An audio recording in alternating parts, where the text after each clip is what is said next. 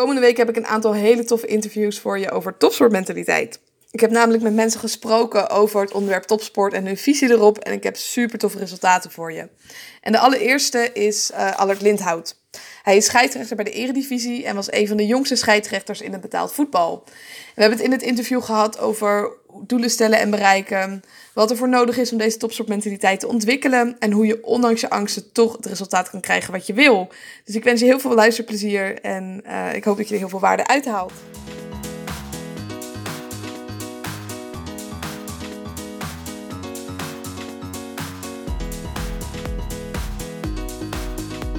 Nou, leuk dat we hier uh, zitten. We waren Ja. inderdaad al, ik denk in april dat we samen... Ja, ik zat te denken wanneer dat was. Eh, volgens mij maart, april inderdaad. Maart, april, ja. Ja, Bij de, ehm, hoe heet het, was in Den Haag? Het was in Den Haag, is de Leidse Universiteit. Ja, met de, de week van... Eh, zij hadden de week van de, ja, wat was het? Ik weet het niet eens meer.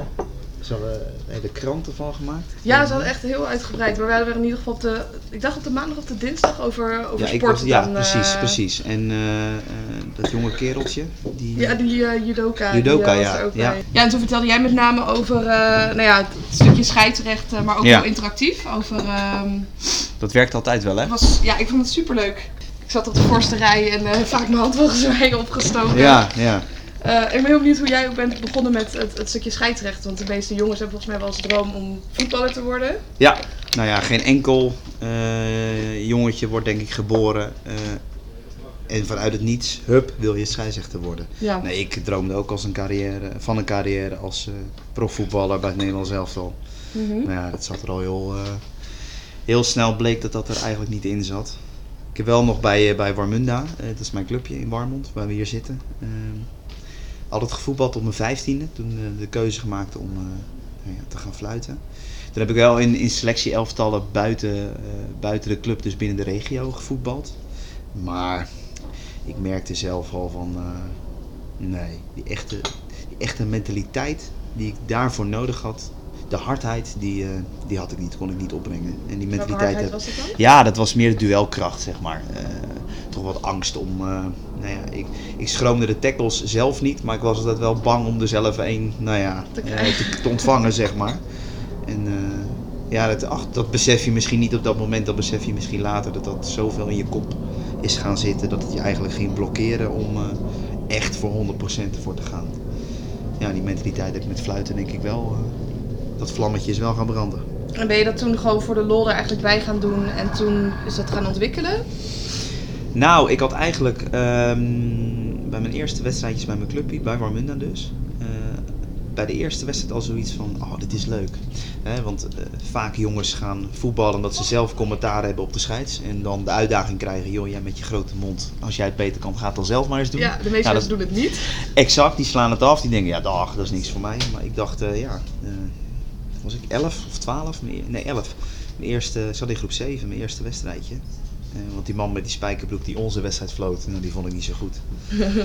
dus eh, met een grote bek gezegd van, jongen, dat kan ik veel beter. Nou, oké, als je A zegt, moet je B eh, zeggen. Dus doe het maar. En stiekem begon ik dat in, in twee, drie jaar tijd gewoon leuker te vinden dan, dan het voetballen zelf. Je wist aan het eind van de middag op zaterdag moet je zelf spelen. En ik was altijd aan het zoeken van nou, in welke tijden speelt welk team thuis. Misschien kan ik nog wel een wedstrijdje fluiten. Dus eigenlijk, eh, nou ja, niet met de paplepel erin gegooid, maar wel eh, verliefd geworden op, eh, op de job. Ja, Ja. En nou ja, dat is mijn passie geworden en is het nog altijd. en toen ook de keuze gemaakt om te stoppen met voetbal? Of ben je dat erbij blijven doen? Nee, nee op mijn vijftiende de eerste opleiding bij de KNVB gevolgd. En toen gelijk de keuze gemaakt van oké, dan ga ik kappen. Want dit valt niet meer, dit valt niet meer te combineren.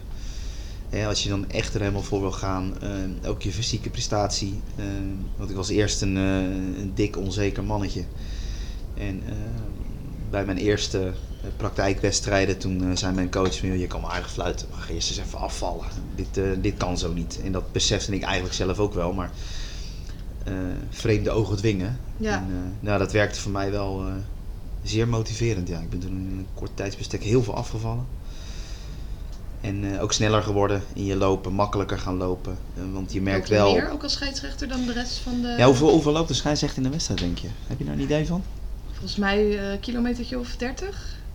dat is wel heel overdreven. overdreven 20, want je bent de hele tijd ben je wel in beweging. Je bent Dus, continu in eh, beweging, zeker. Ja. En eh, weet je, op het moment dat de bal eh, eh, nou ja, gehaald moet worden, dat spelers even een, een hoekschop gaan nemen. Dat zijn de momenten dat je even kan blazen. Maar Ja. voor de rest ben je eigenlijk continu in beweging. Alleen het hangt ervan af. Als een, eh, een, één team heel dominant is en de ander, dan komen we soms op nou, een kilometer of 6, 7.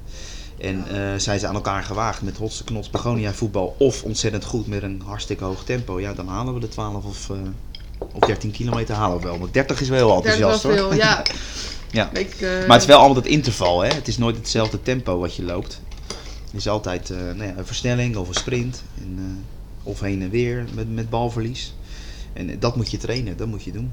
Was dat ook wat je deed om af te vallen bijvoorbeeld? Nee, om af te vallen was het meer duurloop doen. Hè? Hoog in je, in je, laag in je hartslag, maar hoog in je vetverbranding zien te komen.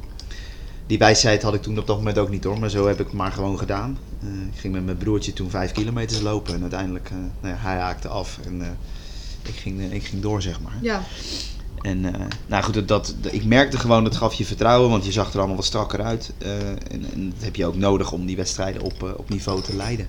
Toen al hoor, want hier in de regio, als je de hoge jeugdteams fluit, die gasten zijn allemaal hartstikke fit. Die kunnen wel lopen, die trainen drie keer in de week. En ik vond eigenlijk dat ik dat zelf ook moest doen. Nou, zodoende. Ja. en Ja. vanaf toen, je vijftiende, maakte je de, de beslissing om in ieder geval voor het scheidsrechter te gaan. Ja, Ik las wel even op je website dat jij een van de jongste was op je 23e die betaald voetbal mocht fluiten. een van de inderdaad. Ja, er zijn nog een aantal die heel jong zijn. Of Ja. waren op dat moment, klopt. Ja. Hoe ben je daar terecht gekomen? Nou, het traject van, eh, van 15 tot op mijn 15e tot mijn 23e, dat is echt een heel traject van eh, eh, stappen maken, je rugzak vullen, ervaring opdoen, ook een paar keer flink op je bek gaan. En, en, en dat maakt ook wel het onderscheid tussen eh, de jongens die het betaald voetbal eh, halen en, en ja, die het net niet halen. Die kunnen omgaan met, eh, met fouten en ook heel kritisch zijn op zichzelf. En niet van in de war raken als je een keer een, blunder maakt of als ze een keer massaal kwaad op je zijn. Want dat hoort erbij en daar, daar wordt je huid een heel stuk dikker van als je, als je er allemaal tegen, tegen kan. Maar ja, een heleboel jongens haakt af omdat het toch nou ja, een stap te ver is. En, ik floot toen in de jeugd tot mijn negentiende. En dan ga je stappen maken met eh, onder, onder 15, onder 17, onder 19 en ook op, eh, op niveaus. Pieter Vink was mijn mentor. Eh, huidige technische man bij, bij Noordwijk. En toen de tijd nou ja, mijn begeleider van, van het district West 2, waar Den Haag, Rotterdam, Leiden onder, onder vielen. En die zei ook van, joh, ja, als jij het echt wil halen, dan moet je naar de senioren overstappen. Want daar krijg je echt de weerstand waar je echt een kerel van wordt. En, ja, eh, die tegenslagen waren nog niet ja, genoeg waarschijnlijk. nee, eigenlijk niet. Nee, maar, maar het voetbal is ook. eh, het voetbalspelletje is hetzelfde. Het is eh, 11 tegen 11 met een bal in het midden en die bal moet in de goal. Ehm, Ja, alleen hoe, hoe spelers het beleven en hoe ze de scheidsrechter proberen te manipuleren of te beïnvloeden. Ja, ehm, dat leer je in de senioren. eh, waar spelers gepokt en gemazeld zijn om, om eh, met hun jarenlange ervaring om de scheidsrechter als het niet loopt te beïnvloeden. Of, of, of nou ja, wat dan ook. Ja, die moet je ervaren, die moet je voelen. die trucjes moet je Die leren. trucjes, ja, inderdaad. Ja, die trucjes moet je. Ja, eh, dat kan met een eh, bijvoorbeeld eh jou ehm, complimentjes geven. Dat je denkt, zo, wat een aardige kerel. En een minuut later, uit het niets, dat je dat helemaal niet verwacht, krijg je ineens een, een scheldkanon naar je hoofd. Dat je denkt, wow, waar komt dit vandaan? Ja, en, en dat moet je snappen, dat moet je voelen. En ook dat onverwachte moet je een keer, eh, een keer ervaren. Ja. En, en daar, word je, daar word je wel een, een, een leider, eh, daar word je leider van. Ja. Ja. ja. En wat voor soort tegenslagen zijn het dan die je ervaren hebt, zowel eh, Eh, je rode kaarten missen, penalties missen en ook cruciale beslissingen bij een 1-1 stand dat je een, een een doelpunt goedkeurt wat eh, achteraf niet goedgekeurd had mogen worden. En waarin de media dan een, ook op, op tweede, eerste klas en hoofdklasse niveau eh, ja, je toch wel een soort eh naar de get verschrijft. Ja. ja, daar moet je tegen kunnen. Eh, en de eerste keer dat je dat meemaakt, dan denk je oké, heb dit heb ik dus altijd geambieerd en zo voelt dat dus. Ja, En eh, de eerste keer is niet leuk. De tweede keer ga je al een beetje met zelfspot, want dat is een, hele grote, een heel groot ingrediënt wat je moet hebben om ver te komen in ons vak. Eh, niet weglachen, maar ja, kijken naar de inhoud. En en, ja, de grapjes die erover gemaakt worden, of juist op de man spelen, ja, dat moet je van je af kunnen vegen. En dat, eh, dat is een hele kunst, dat moet je leren, dat leer je niet in één keer. En daar moet je tegen kunnen. en hoe leer je dan bijvoorbeeld van die fouten? Want je zegt, ik zag het gewoon niet. Of Zag Ja, weet je, de dingen niet te zien komt om, vaak omdat je in de verkeerde positie staat. Ehm, dus wat ik ook continu doe, ik heb afgelopen zaterdag een wedstrijd gefloten. Nou, dan, eh, het is nu maandag, dus dan heb ik vanochtend eh, getraind. En dan ga ik daarna met de laptop zitten om die wedstrijd terug te kijken. En eh, kijken of ik continu in de juiste positie stond om nou ja, de juiste invalshoek te hebben om het eh, duel goed te beoordelen. Ja. En als je dat continu eh, jezelf ermee op reflecteert, dan word je in de wedstrijd al getriggerd, onbewust, of nou ja, goed, dat, dat gebeurt gewoon in je hersenpan. Van hé, hey, de vorige keer zat ik daar mis, dus ik moet nu zo lopen, want dan zie ik het wel. En dat is continu de scherpte en je focus die je moet hebben. Ja. En eh, ja, als je dat bij jezelf gaat herkennen, dan, eh, dan maak je stappen. Dan, dan betrap je erop dat je jezelf verbetert. En dan nog kan het de wedstrijd daarna weer gebeuren. Eh, Maar dan is het weer het proces opnieuw, dat je daarna kijkt kritisch en, eh, en, en, en ervan, ervan leert. De, Ja. echt, maar ook van jezelf. De, de- sommige mensen zeggen ik wil beter worden, maar dan denk je, ja, zeg je het nou voor de vulling of wil je echt beter worden? Nou ja, en dat moet je, dat moet je voelen. Ik denk dat een heleboel mensen wel de leuke dingen ervan willen, maar die pijn, hè, dat terugkijken naar je eigen wedstrijd en zien wat je fout hebt gedaan, Ja, ja. Dat, dat is echt lastig. Dat is in het begin best confronterend, want eh, ook als je weet eh, eh, dat mensen al, en ook intern, hè, wij, krijgen, wij worden iets, eh, iedere wedstrijd beoordeeld, al er een klap op hebt gegeven, joh, die beslissing was niet goed. Of eh, hoe je dat duel daar hebt opgelost tussen die twee spelers, hoe je dat gemanaged hebt, is niet goed. Dan ga je het later terugkijken. En de eerste keer denk je, nou, dan word je zelfs achter de laptop een beetje klein, van shit, ze hebben gelijk. Dit heb ik gewoon niet goed gedaan. En eh, ja, dat is, dat is ook het leerproces waar je dan in zit. Van ja, geconfronteerd worden eigenlijk met, met fouten die je maakt. En eh, ja, als je daar niet tegen kunt, dan, dan word je echt niet beter. Nee, precies. Nee. En hoe was dat de eerste keer voor jou bijvoorbeeld om zo'n wedstrijd terug te kijken van jezelf? Ja, de eerste keer is confronterend. En, en, en dat is net zoals eh, in de media op je wordt, eh, over je wordt gesproken. Dat is ook confronterend de eerste keer. Ja, Maar een tweede keer ga je al kijken, ja, waar komt het vandaan? Hoe komt het dat ze dat zeggen? Eh, leiden ze dat af uit mijn gedrag? Leiden ze dat af uit mijn beslissing? Eh, leiden ze dat af uit hoe ik mijn beslissing verkoop? Dus Mhm. hoe, het, hoe het eruit ziet? Kijk ik naar de grond? Ben ik, want dat wordt al vaak geïnterpreteerd als dat je onzeker bent. Eh, weet je, al dat soort, al dat soort eh, eh, non-verbale communicatie. Zaken die, die kunnen het maken dat, dat mensen een bepaald beeld van je krijgen. ja. En dan moet je, en ook al denk je, ik kom zelfverzekerd over, en iemand anders vindt dat niet, moet je kijken waarom iemand anders dat dan vindt. Waar ligt dat dan aan? En of je dat zelf kan veranderen. Ja, en dat is denk ik ook heel makkelijk om te zeggen van nee, eh, ik probeer het zo over te brengen, dus het is zo. Ja, en je denkt vaak, oh, daar kwam ik zelfverzekerd over. Ja, een dat strafschop, man. Dat is, het is echt geen twijfel bij mij te zien. En dan kijk je terug. En, eh, en daarvoor heeft iemand al aan je gevraagd, joh, twijfelde je bij die penalty? Dat je vraagt, hoezo dan? Ja, eh, je keek naar beneden of je was met je, met je handen met je kaart aan het zoeken of iets dergelijks. En je ziet die beelden terug te kijken en denk je, verrek, hij heeft gelijk. En twijfel je dan echt of was het dan meer die non Nee, ik, ja, ik geef maar een voorbeeld, maar mensen, mensen, dat soort dingen? ik vind het ook heel interessant om mensen die totaal niks met arbitrage te maken hebben. Ehm, de- mijn moeder is daar bijvoorbeeld een heel groot voorbeeld van. Die, die, die kan soms opmerkingen maken eh, die helemaal niet gerelateerd zijn aan de beslissing. Maar joh, wat, eh, wat straalde je daar een kracht uit? Dat ik dacht van nou, mijn hartslag ging, onder, eh, ging op dat moment behoorlijk tekeer. Was behoorlijk hoog, omdat ik eigenlijk wel twijfelde aan die beslissing. Ja. Maar het kan ook andersom, dat zij zegt, joh, er stond, eh, stond wel een, een zenuwachtig mannetje. Dat ik, dat ik denk van, nou volgens mij was ik voor mijn gevoel daar heel zeker van die beslissing. En dat is wel heel verfrissend, dat mensen die totaal niks met het voetbalwereldje te maken hebben, dus geen professionals, dat die, die kunnen soms met hele, hele rake opmerkingen komen. En eh, ja, dat is ook wel eens leuk om, eh, om, om daarvan te leren. Ja, en wat je dus uitstraalt kan heel anders zijn Heel dan anders hoe jij geïnterpreteerd worden, ja. ja, ja. En dat is denk ik ook zeker met scheidsrechten heel belangrijk. Dat is cruciaal. Ja. Ja. Weet je, als je, een- als je een fout maakt, maar je straalt in alles uit dat je zeker bent, dan heb je de kans dat spelers het nog accepteren ook. Terwijl Ja. eigenlijk de beslissing die je maakt niet goed is. Maar jij kan ook, eh, aan de andere kant kun je hele goede beslissingen maken, maar mensen zien twijfel in, je, in, je, in de manier van, eh, van verkopen, dus hoe je het uitstraalt. Ja, en dan komt het helemaal niet krachtig over. En eh, dat is continu de, de wip eh, en de balans die we aan het zoeken zijn. Ja, en ook al maak je een goede beslissing, dan zijn er altijd denk ik nog mensen die het er niet mee eens Ja, zijn. Dat, Dat, ja, Scheids doet het nooit goed. nee, Dat is precies. dus helaas soms de basisgedachte. Ja, Ja. en daar En moet je, daar moet je ook tegen kunnen. Ja, en wat maakt, denk je, je zei al van ik kijk dan die wedstrijden terug. Wat maakt voor jou nog meer, denk je, dat jij beter bent dan mensen die eerder zijn afgevallen? Nou, wat, nou ja, dat is lastig om te zeggen van jezelf dat je ergens beter in bent. Maar ehm, wat ik jonge scheidsrechters vaak meegeef is, ja, probeer gewoon echt kritisch op, de, op, je, op jezelf te zijn. Je weet zelf donders goed eh, wanneer je iets niet goed doet of wanneer je eh, eh, twijfelt over bepaalde keuzes die je in de wedstrijd maakt.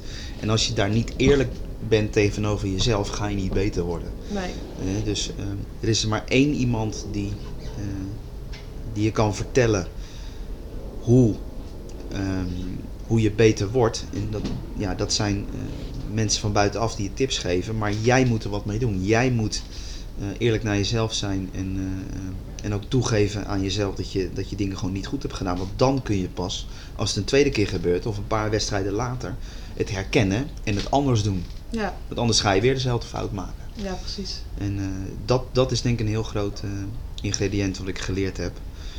En eh, daarnaast gewoon altijd een stukje, nou is een heel groot stuk toewijding. Gewoon, nou ja, val ik een beetje in herhaling. Maar als je ehm, zegt dat je iets wil, moet je ook voelen dat je, dat je er echt voor wil gaan. En niet alleen maar tegen mensen zeggen voor de vorm. Je moet gewoon voelen dat je, dat je de top wil halen. Dat je, je moet gewoon eh, nou ja, in iedere vezel in je lijf eh, voelen van de ambitie eh, opzuigen om, om een bepaald doel eh, te halen. En ja, dat doe je alleen maar zelf. Deelde jij ook die doelen bijvoorbeeld? Of hield je dat juist voor jezelf? Zeker, nee, nee, nee. Ehm, ik heb het geluk dat ik al vrij snel in een talentengroep kwam. Ook op de leeftijd van 16, 17 jaar, waarin je begeleid werd door coaches. En ehm, eh, dat zijn allemaal sparringspartners. En eh, de ene coach is weer heel erg, eh, die let weer heel erg op je leiderschap. De ene coach legt weer heel erg op je, op je fysiek, dus hè, dat je fit bent, dat het er goed uitziet. De andere is weer heel technisch, van ja, daar had je moeten fluiten, want anders had je die gele kaart niet hoeven geven bijvoorbeeld. Iedere eh, coach heeft zo zijn eigen, ehm, ja, eigen vakjargon eigenlijk. En, en ja, dat moet je, moet je opzuigen. En niet alles, hè, want je moet wel... ehm, vaak zeggen mensen, ja, je moet jezelf blijven. Hè? Dat is allemaal zo'n... Zo Dat is een mooie is mooie uitkleed. Maar inderdaad, het zegt niks. Want als je jezelf blijft, word je niet beter. Want Nee. je moet juist van coaches, van, van nou ja, wat ik net zei, van, van iemand die totaal niks van voetbal eh, of met jouw vak te maken heeft. Joh, die kunnen hele verfrissende dingen zeggen. Man, die, daar moet je wat mee doen. Als je, als je voelt van, hé, hey, eh, hm, er, zit, er zit een kern van waarheid in. Dus openstaan eh, voor de kritiek van, van anderen.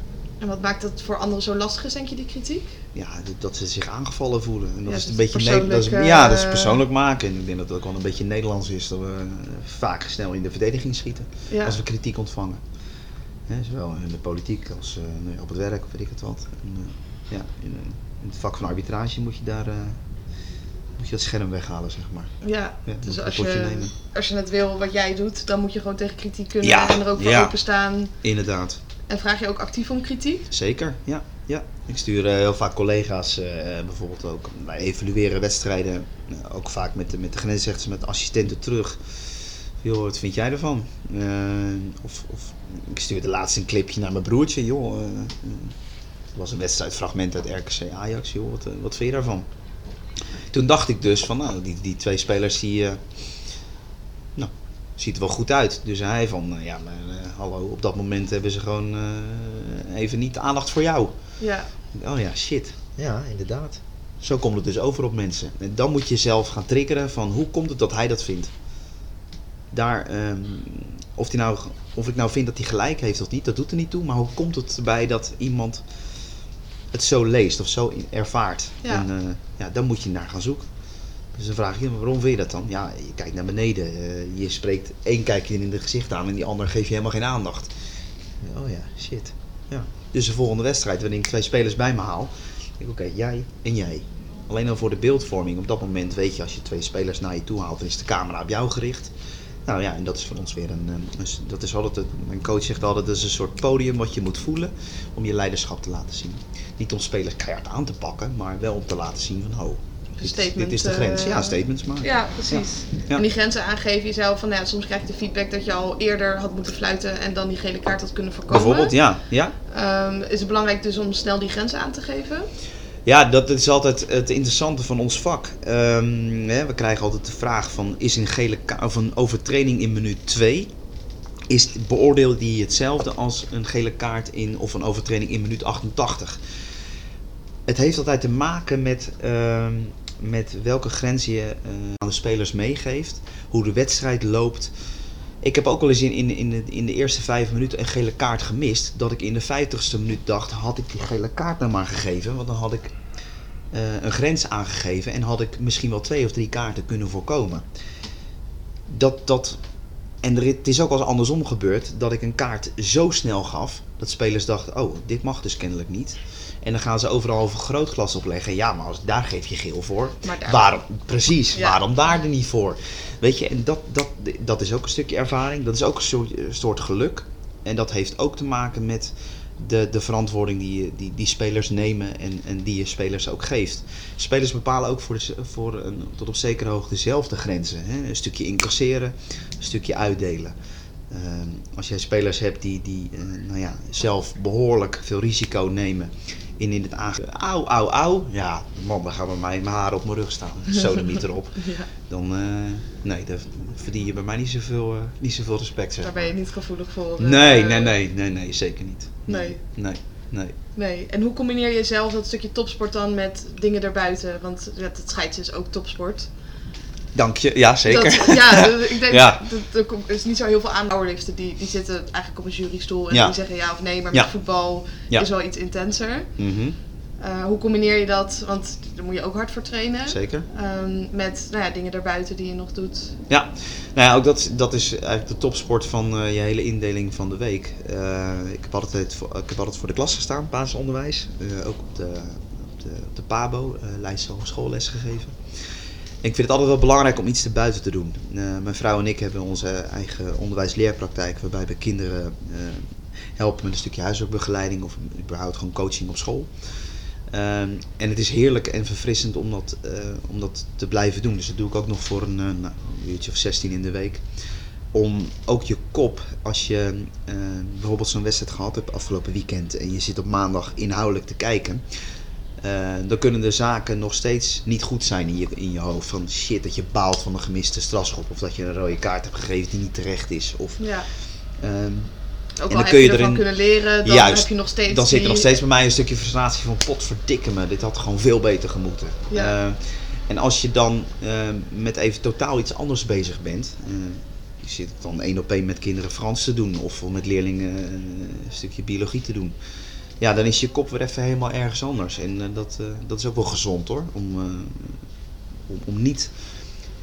Tuurlijk ben je 24-7 met je, met je vak bezig. Ja. Dat hoort ook, want je bent professional. Dus je moet alles weten en je moet weten wat er speelt. Ehm, je moet voorbereid zijn op de wedstrijden die je krijgt. en de wedstrijden evalueren die je gedaan hebt. Maar het is ook wel goed voor je hoofd om, om even totaal iets anders te doen. Met je aandacht weer eventjes ja, back, to, back to earth eh, brengt, zeg maar. Ja. zeker. Ja. En merk je dan ook dat je in je privéleven veel keuzes moet maken vanwege, de, vanwege je be- be- baan en nou, ik Klinkt, noem het klinkt, topsport. klinkt zo zwaar wat je zegt. Nee, Ja. nee hoor. Maar ik, ik vind mijn leven hartstikke, hartstikke gaaf op dit moment. Hier heb ik als jochie altijd van gedroomd om in de stadions te staan en wedstrijden te fluiten, wedstrijden te, te leiden. En eh, ja, want voetbal blijft gewoon het leukste spelletje wat er is. Jij zou ongetwijfeld een andere mening hebben, maar... dat, ja, ik ben eh, zelf niet zo van de teamsporten, dus dan nee, jij zit er meer allemaal het individuele eh, pad natuurlijk. ja. Ja. Ja, maar ik denk dat je wel eh, beaamt dat als je nou ja, je passie nou ja, zo ver op een, op een niveau kan brengen, dat, je- dat je nou ja, steeds een stapje hoger maakt voor jezelf. Dat dat wel een, een stofje is waarvan je in je hoofd zegt, hmm, ik wil hierin blijven doorgaan, ik wil nog beter worden, ik wil, eh, ik wil nog meer groeien in, in wat, ik, in wat ik leuk vind en wat ik kennelijk dus goed kan. Ja, Eh, alleen is het eh, ja, wel zaak om, om af en toe eens even wat, wat anders te doen. Wat verfrissend te zijn in je, in je dagelijkse ritme. En dat, dat helpt je ook weer bij, denk ik, bij, je- bij, bij je topsport. ja, dus Om- juist om- door andere dingen te doen Ja, dat je ja, alleen maar wel. beter wordt. Ja. En niet echt op één ding moet focussen. Nee. Ze zeggen altijd wel focus, maar Ja, maar ja, focus is ook weer zo'n zo'n zo'n algemene term. Ja, weet je, ehm, je kan niet eh 24-7 gefocust zijn op, op, op, op één doel. Dat, ik denk dat dat alleen maar. eh, Ik denk dat één, ten eerste dat het ongezond is. Ten tweede dat op het moment dat het dan echt van je gevraagd wordt. Want dan loop je continu op toppen van je tenen. En eh, dat zie je ook in, in training hoe je dat doet. Je kan altijd keihard trainen. Maar dan zegt je lichaam op een gegeven moment ook van hallo. En dan Ja. kun je dat volgende sprongetje ook weer niet maken. Ja, en 100% geven, gewoon doen wat nodig is. Maar ik zie het ook veel bij sporters die momenten, geven 200% of 300%. Ja. Dat klinkt heel stoer, maar je bent Ja. dedicated en no pain, no gain. Mhm. Maar vervolgens loop je jezelf de blessures in. En, Ja. ehm, Ja. Ja, en dat is ook de piek naar, eh, naar een wedstrijd die, die je hebt. Of een, een piek naar een eindtoernooi. Of eh, in, in andere sporten belangrijke kwalificatiewedstrijden of wat dan ook. Je, moet, je moet pieken op een moment dat je... eh, dat de agenda in je kop zegt van ja, dan moet ik er staan. ja, ik kreeg vroeger wel eens van, van iemand mee, als je op maandag zegt ik ga donderdag een topprestatie op de 10 kilometer neerzetten. Dan is je brein, dan is je hele lichaam zich er al op het voorbereiden. Ja, dan moet je niet maandag, dinsdag en woensdag keihard 10 kilometer gaan lopen. nee. Want dan ben je kapot op die donderdag. Nee. Dus ja, een stukje verstand. Ja, en denk ik ook een stukje planning. Want vaak Ja, mensen die beginnen met doelen, die beginnen te laat. Dus die moeten dan wel eh, een inhaalslag maken. Klopt. Ja. Ehm, waardoor ze dan eigenlijk op maandag, dinsdag en woensdag nog Ja. een 10 kilometer moeten doen. Die Ja. ze eigenlijk de week ervoor hadden moeten Klopt, ja, klopt. Ja. En eh, dan moet je ook de juiste mensen om je heen verzamelen die, die, die je dat vertellen, die trainingsschema's met je maken. Eh, en daar ben je ook zelf bij, want je kent je eigen lichaam eh, het beste. En natuurlijk moet je die piekmomenten hebben. Beter worden is je lichaam kapot maken en goed herstellen. Toch? Ja, ja, tot, op ze, zeker, ja, tot op zekere hoogte kapot maken, denk ik. Dus als ik ook naar powerliften, dan train je ook redelijk zwaar. Maar Ja. je traint nooit op je max inderdaad. Die Nee. pieken, dat bewaar je tot de wedstrijd. Ja, Eh, maar in aanloop naar de wedstrijd toe toch wel 95% en off-season dan eh 60 tot 80%. ja, inderdaad. Dus je bent inderdaad wel je lichaam aan het kapot maken, maar niet te erg Nee. eh, dat je wel herstelt nog bij je volgende training. Klopt. Ja. Ja. In, in voeding en, eh, en, en eh, ja, eh, vocht is daarin ook een hele belangrijke rol natuurlijk. Eh, ik bedoel, een stukje lifestyle, dat zou jij eh, onge- ongetwijfeld ook hebben. Ja, het is die, twee uur dat je in de sportschool staat of op het veld, dat zijn niet de twee uur die het er meest eh, Nee, het nee. doen.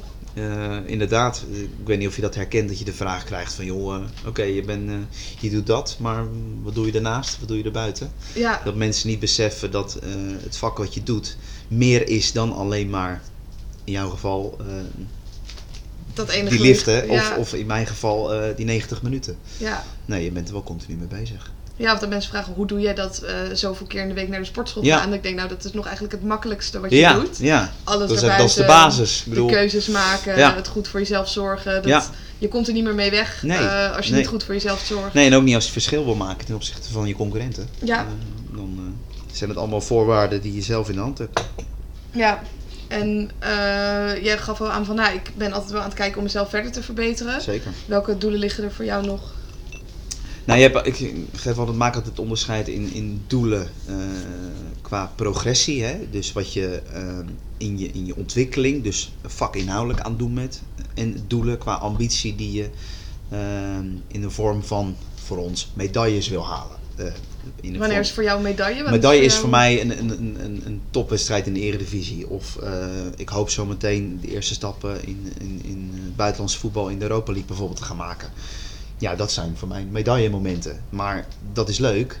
Maar ik kijk vooral naar, naar de inhoud, naar de progressie die je maakt. Want als je gaat focussen op, oh ik moet dan die en die wedstrijd zien te krijgen. Ja, dan ben je ehm, met het, wel met het doel bezig, maar ehm, niet met het tastbare eh, Nee, heel erg lange termijn. doel, lang termijn. Maar ben je helemaal niet aan het focussen op de inhoud.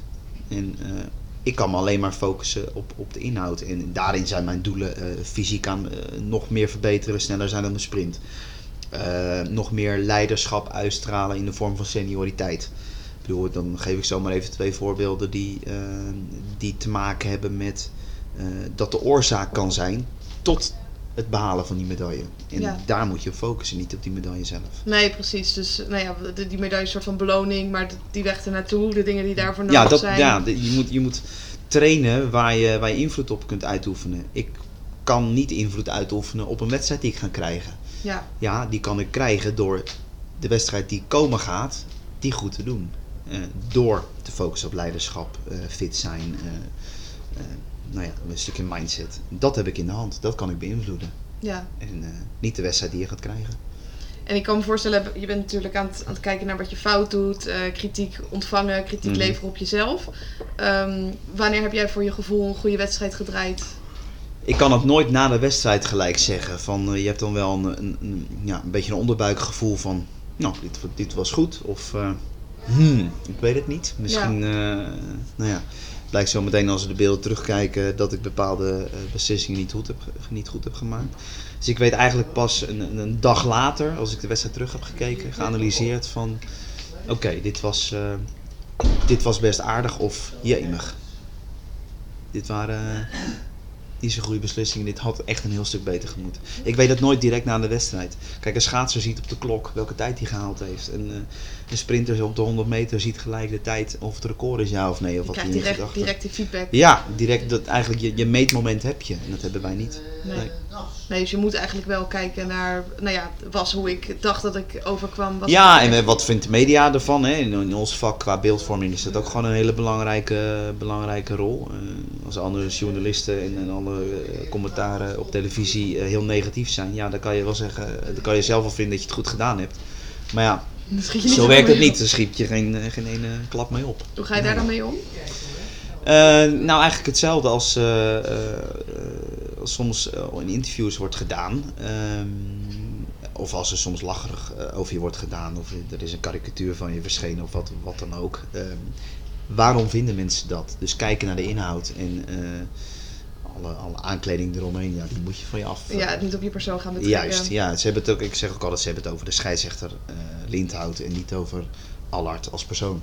Ja, Niet over, kennen ze ook helemaal niet. Nee, nee, nee, precies. Nee, Ja. dat is voor, me, voor mijn gezin en mijn vrienden en familie. En eh, dat is niet dat mannetje wat daar op het veld loopt. En is dat een groot ding, die media, die negatief is? Nee hoor, nou ook dat Dat is wat je jezelf allemaal aantrekt. Kijk, je kan het voor jezelf onwijs groot gaan maken. Van, oh ze vinden dit van me en oh ze vinden dat van me. Ja, en de eerste keer dat je het je overkomt in een negatieve rol. Zo ben ik, de eerste keer dat dat bij mij gebeurde was eh, ja, 2011. Eh, had ik een wedstrijd in de eerste divisie. eh, oh man, dat was een van mijn slechtste uit mijn carrière. Ik gaf twee penalties die nergens op sloegen. Ik moest de trainer wegsturen omdat ik gewoon zelf gewoon de weg kwijt was. En eh, toen verscheen ik ook wat negatief in de, in de media. En dan denk je de eerste keer van, "Hmm, dit is niet leuk. Dit hoort er dus kennelijk bij, maar dit heb ik altijd gewild. Hier heb ik vroeger, toen ik eh scheidsrechter net leuk begon te, te vinden, te, ook, ook jongens waar ik tegenop keek, ook allemaal eh, gezien dat, dat hen dit overkwam. Ja. Ehm, en nou ben ik er zelf. Zo voelt dat dus. Ja, Ga je dan dat- ook twijfelen? Of ja, dat, dat, ja, zeker. Ja, toen was ik, toen was ik 23, 24. Dan eh, zijn er momenten dat je twijfelt. Ja, van jemig, eh, kan ik dit wel? Of eh, ja, ik ben toch wel goed genoeg? Of, kijk, en dat zijn de momenten. Ja, dan moet je, dan moet je vertalen voor jezelf. Van, ja, en of ik goed genoeg ben. Ik, Ja. ga het vol, ik wil het liefst over twee uur al de volgende wedstrijd hebben. Want dan kan... Zo moet je het vertalen naar jezelf. En niet van eh, kopje naar beneden en schouders omlaag. Van eh, chips, ik heb, eh, ik heb verloren en dit komt nooit meer goed. Ja, meegaan in die negatieve spiraal. ja, als je in komt te zitten, dan kom je daar denk ik moeilijk uit. Ik heb het zelf nog nooit, nog nooit zo ervaren. Nee. Zie je dat wel bij anderen die dat, dat, dat ze de kop kost? Ja, ja, vind ik moeilijk om erover te Je oordelen. Nee hoor, nee. ten- mijn collega's die, die doen het allemaal vrij goed. Ja, ik Ja. zag het wel in het powerliften bijvoorbeeld. Heb je maar, dat is echt een piekmoment. Dus Ja. je hebt ehm, bij squats, bankdrukken en deadliften. En dan heb je drie keer één moment dat je het mag proberen. Ja. Dus drie keer je squat, drie keer je bankdrukken en drie keer je deadlift. Ja. En dat als die eerste squat bij mensen al mislukt, nou, dan Ja. gaat het in hun hoofd zitten. Ja. En dat de kans dan ook heel groot is dat het de tweede keer niet lukt. Ook al weten ze dat ze sterk genoeg zijn, ook al zijn ze goed voorbereid, ze hebben het allemaal. Ja. Dat, dat het zo ja, en dat noemen ze, eh, hoe noemen ze dat? Ja, prophecy ook. eh, oh, dat, maar ik bedoel, ja, mentaal gewoon zo stabiel zijn dat je niet door die onbegrens in je kop zakt. Ja, En eh, een, een vriendin van mij doet, die loopt de marathons. Nou, die heeft dan een heel schema in haar hoofd. wat ze, welke tijd ze op de eerste kilometer, op de tweede kilometer, no way, als ze eronder zit. Nou, dan blokkeert het en dan stapt ze uit of zo. die, die zit zo'n eh, drive in aan de ene kant. En eh, zo'n, eh, nou ja, mentale zwakheid, kan het wel zeggen hoor. Dan, eh, eh, ja, waardoor ze zich eigenlijk door zichzelf laat verslaan. ja, dus aan de ene kant kan je het juist heel erg inzetten Ja. om beter te worden. Om Ja. bij wijze van spreken binnen twee uur nog een wedstrijd te gaan doen. Exact. Ja. Maar het kan er ook voor zorgen dat je blokkeert en eigenlijk Ja. zwakker wordt dan dat je bent. Ja, klopt. Dat je, dicht, dat je dichtslaat. Of eh, ja, dat je eigenlijk niet mentaal sterk genoeg bent om, eh, om toch door te gaan. Om eh, die ene stap achteruit te doen, om er twee vooruit te doen. En is dat bij jou denk je aangeboren dat je mentaal Nee, moet je leren, moet je leren. Dat moet je leren. En natuurlijk is het wel eh, ja, een stukje wat je ook van, van thuis meekrijgt, denk ik. Eh, van, eh, niet opgeven, doorgaan. Eh, en er blijft er hard voor werken. Ik bedoel, dat zijn ook wel van die, van die, eh, die mooie termen die mensen erin gooien. Eh, maar ja, het werkt uiteindelijk wel zo. Ik bedoel, eh, ja, soms moet je gewoon keihard op je mond gaan om, eh, om beter, om sterker te worden. Maar jij wordt alleen maar sterker door eh, nou ja, met die kritiek om te kunnen gaan en te leren van de inhoud. Je hebt het ook over mentoren en, en coaches gehad. Heb je Ja. altijd begeleiding gehad in jouw, eh, in jouw ja, sportcarrière? Zeker, ja. ja. Eh, wij hebben een vaste coach. Eigenlijk heb ik dat al eh, meer dan tien jaar. Dat varieert wel hoor. Dus om de twee jaar weer een ander. Om, om, je begint, start een soort leerproces met andere leerdoelen. En na twee, drie jaar is het wel weer goed om een andere coach te hebben. Weer vanuit een andere invalshoek. Ehm, en, en daarnaast hebben wij een technische staf. Wij zitten ook met de scheidsrechters één keer per drie, soms twee weken bij elkaar. eh, om met z'n allen op één lijn te komen.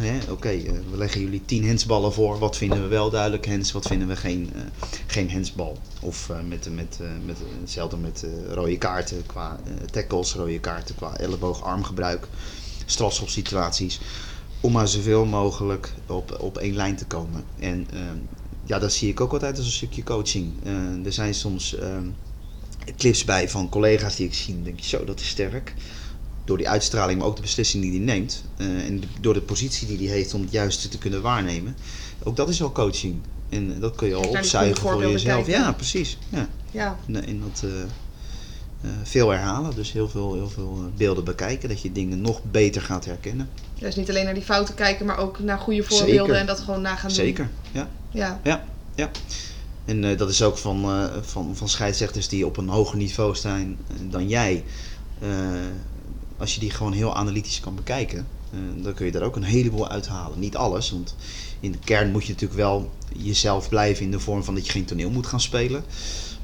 Maar je kunt wel zoveel dingen van anderen eigen maken dat je toch verandert. En dus beter wordt. ja. Ja, en je zei ook van, nou ja, de, de, de, degene die op het veld staat, dat is eh, een soort van afstand. Hè? De, dat, ben, dat is niet degene die natuurlijk bij je vrienden Nee, bent. nee, dan, nee is een ander, pers- dan ben je wel dezelfde persoon, maar eh, een andere rol. Ja. Ja, dus Ja. Je, je bent alsnog wel jezelf. Hè? In de persoonlijke ontwikkeling zeggen ze vaak, hè, je de 2.0 versie of Ja, de dat- beste versie van jezelf. Ja, maar het is gewoon, je hebt verschillende rollen. Ja. En op dat moment ben je de rol die ervoor nodig is om eh, goed te presteren. Ja, dagelijks leven, leven ben ik de rol van de docent één op één. Eh, eh, ben ik vader van, van, eh, van twee meiden. Nou ja, echtgenoot van. Nou ja, net als ieder mens. Zo bijzonder is dat denk ik Nee, niet. precies. Nee, Nee. nee, Nee. inderdaad. Nee. En je zei ook al van, nou ja, het is ook bij mij een stukje ook hard werken geweest. Dus kijken naar die coaches, leren Zeker. van fouten. Ja. En een quote die ook vaak ziet, het is 95% is het werken en 5% is geluk. Ben je het daarmee eens? Nee, in, het, in ons vak is geluk denk ik nog een stukje, eh, de geluksfactor nog een stukje groter. Eh, als een bepaalde hensbal eh, niet plaatsvindt of een, een, een, speler gelukkig de bal raakt in plaats van de ledematen van de tegenstander wat jij toevallig niet hebt kunnen zien, ja, dan heb je geluk gehad. De factor geluk in ons, in ons vak is, is, is denk ik wat groter. Ja. Zo eerlijk moet ik ook zijn. Ja, dat mag je ook eh, zeggen. Hè? Het is eh, heel makkelijk om te zeggen, nee, dat is allemaal hard werken en ik heb het allemaal zelf Het is gedaan. hard werken. Nee, dat, dat sowieso niet. Want ik heb een heleboel, eh, een heleboel eh, mensen om me heen verzameld die mij, eh, die mij geholpen hebben. Nee hoor. Natuurlijk moet je wel de toewijding en de intrinsieke motivatie vanuit jezelf hebben. Alleen, eh nou, terugkomend op die geluksfactor, die is in ons vak eh, best wel groot. Ja. Ja. ja, ik denk bij mij ook eh, in de topsport eh, met het powerliften. Ja. Het kan zomaar zijn, hè? ik heb bijvoorbeeld wereldkampioenschap gedaan. En twee mensen van mijn klasse die deden in plaats van met de junioren met de senioren mee, omdat die zo sterk waren. Ja. Nou, ik kan eerlijk zeggen, als die in mijn klas hadden meegedaan met de junioren, was ik geen derde geworden. Dus Nee. het is, het is superveel geluk ook inderdaad. Klopt. De medailles die je dan uiteindelijk wint. Kijk, de prestatie die je levert Ja. is hetzelfde. ja. Maar het resultaat wat het waard is, is zo afhankelijk van Is heel afhankelijk van je omgeving en Ja. omstandigheden. Klopt. Ja. Ja. Ja. En stel dat mensen bij jou zouden komen en zeggen, nou, die topsportmentaliteit, wat ze ook willen bereiken, dat wil ik graag leren. Eh, Mhm. Wat zou je ze als advies geven? Ja, toewijding. En ik heb hem vandaag in dit gesprek al een paar keer herhaald. Van eh, zelf voelen dat je echt iets wil bereiken. En niet, niet het alleen maar vertellen, maar ja, een stuk toewijding. En, en, en eigenlijk de factoren die je kunt beïnvloeden, ja, die zoveel mogelijk optimaliseren. En daar gaat het om. En ja, op het moment dat je, dat je er moet staan, ja, dan moet je gewoon je ding doen. Ja, gewoon pieken op de momenten dat het Ja. moet. En op de andere momenten gewoon kijken wat, wat Ja. is er voor nodig. Ja, en zorgen dat je eh, nou ja, alle dingen zoals lifestyle, eh, ook slapen hoort erbij, of, of eten, drinken, eh, trainen, eh, analyseren van je, eigen, van je eigen prestaties. Dat heb je allemaal zelf in de hand. Ja. Dus die voorwaarden moet je allemaal zo op 100% zien te krijgen. En dan, eh, dan moet je het laten zien. ja, ik denk ook ongeacht of je nou qua sportdoelen hebt of daarbuiten doelen, Ja. dat dat trainen, slapen en eten, dat Ja. blijft gewoon belangrijk. Zeker. Om fit te zijn en Ja, gefocust. Ja, en ook daarin eh, zoeken hoe je dingen kunt verbeteren. Kijk, ehm, wij hebben ook bijvoorbeeld, om over die voeding terug te komen, wij hebben eh, voedingsdeskundigen eh, bij ons in huis, eh, bij de KNVB. En eh, toen die eh, tien jaar geleden een verhaaltje deden over eh, het schijf van vijf bijvoorbeeld, of iets dergelijks, dan zaten wij met collega's vaak een beetje onderuit gezakt van ja hoor, hebben we weer zo'n verhaal. Maar eh, bijvoorbeeld twee jaar geleden kwam diezelfde persoon en er zat iedereen rechtop, omdat dat, dat innoveert ook. Mensen zijn eh, nog meer. Nou ja, de wetenschap heeft erin ook een rol van hey, wat, wat doen bepaalde voeding met je eh, qua eh, uithoudingsvermogen of, of, of herstel. Hè? Want eh, na een wedstrijd veel lopen is het gewoon belangrijk om de juiste voeding tot je te nemen en ook hydratatie. Om, om, om optimaal te herstellen voor voor de volgende piek die je moet, die je moet leveren. Ehm, en ja, daarin, daarin zijn wij ook gegroeid en eh, ben je ook een stukje professioneler om, dat, eh, om die informatie, om dat toch uit te zoeken voor jezelf. Van hey, wat, wat, wat past er bij mij, waar kan ik beter van worden? En daar kan je allemaal in winnen. En je spreekt in termen als wij, merk je ook dat het niveau van de scheidsrechters daarin gewoon steeds hoger wordt? Ja, dat, eh, qua fitheid absoluut. Kijk, de tijd van, van buikjes is sowieso voorbij. Eh, we hebben zo strakke tenues, dus je moet wel zorgen dat er eh, geen buikje in hangt, zeg maar. Ja. Nee, maar allemaal, allemaal collega's, zeker die iets jonger zijn dan ik, eh er zit bijna een grammetje vet op. En eh, ja, dat is ook de cultuur waarin we zitten en wat moet. Simpel. Maakt dat het ook makkelijker dat het nu de norm is om... Je moet erin mee. Ja, Ja, ja. het is aanhaken of afhaken wat dat betreft. En, goed, kwam je er eh, misschien mee weg, maar nu... eh, Nou, ik, ja, nee. Weet je, toen, eh, toen ik ooit begon, die klap in mijn gezicht die ik toegekregen heb van eh, ga eens even afvallen. Ja, dat was toen wel een week op kool en daar ben ik nooit meer van, gelukkig nooit meer teruggevallen. nee, nooit meer terug. Nee, nee, nee, nee. Is Gewoon trainen, fit zijn en voorbereid zijn op het volgende. Ja, ik denk ook zeker als je dan in een nieuwe situatie zit, als je er middenin zit, dan is het lastig om eruit te komen. Maar als je eenmaal die voordelen merkt, Ja. dan denk je, nou, dit nooit meer. Klopt, klopt. Ja, dat. Ja, dit nooit meer. En als je dat eenmaal hebt aangetikt, dan voel je dat nog beter van eh, dit wil ik nooit meer, eh, nooit meer hebben. En die wake-up call was voor jou hetgene wat jou in beweging bracht om de motivatie te Ja. vinden. Ja, eigenlijk wel. Ja. Had je al eerder geprobeerd om af te vallen? Nee, of was dat eigenlijk nee, nooit... nee, ehm, nee. Vanuit een stukje, ik was toen, ik zat toen op het eh Rijnlands Lyceum in Sassenheim. En eigenlijk een heel dik onzeker mannetje toen. En eh, eh, ja, als je dan eh, wat, wat als je het voelt dat je, dat je afvalt en wat strakker wordt en je voelt je fitter, ja, dan denk je, oh, ik ga nooit meer terugvallen. ja. Nee. En nou goed, het heeft me altijd wel geholpen en is me ook altijd wel bijgebleven. Ik gebruik het altijd aan mensen om nou, een stukje motivatieprikkel aan te wakkeren van jongens, zorg dat je dat nooit meer hebt. En ook dat je die succeservaringen merkt. Ja. Natuurlijk als je op het moment Ja. er middenin zit en je weet niet hoe het voelt, dan is dat jouw nieuwe normaal. En als Ja. je dan merkt, wow, Dat is je nieuwe norm. Ja. Ja. Ja. klopt. Ja, zo kun je hem ook heel goed uitleggen. ik heb dat, dat als mensen vragen van, hé, hoe doe je dat met sporten en alles eromheen? Dan zeg ik, ja, maar hoe doe jij dat niet? Want Ja, ja, inderdaad. Zoveel, zoveel ja. energie erdoor Ja. en zoveel Ja. zelfvertrouwen. Hoe kan Ja. je... Hoe Hoe kan je het dat laten liggen? Ja. Ja, ja. Ja, ja, klopt. Ja. Ben je eens? Nou super. Eh, Dankjewel. Heb jij nog dingen de, waarvan je zegt, eh, daar wil ik het nog over hebben? Nee, dankjewel voor dit, eh, dit leuke gesprek. Ja, Tijd eh superleuk. voorbij gevlogen. Ja, ik zag je ook even op je horloge kijken. Ik denk, volgens mij moet je ook zo weer... Nou ja, het eh, vliegt inderdaad voorbij. Eh, weet je, dit, dit soort onderwerpen zijn gewoon super leuk om, eh, om te bespreken. En, eh, het is dat we zo weer moeten trainen, maar anders eh, hadden we nog, nog langer kunnen praten. Bedankt voor het luisteren naar mijn podcast. Vond je het nou tof? Laat even een reactie achter. Of eh, volg me even op social media, Isabelle Veteris. Of zoek even op mijn website, isabelleveteris.com, waar je ook mijn gratis e-book kan downloaden met 52 tips over mindset.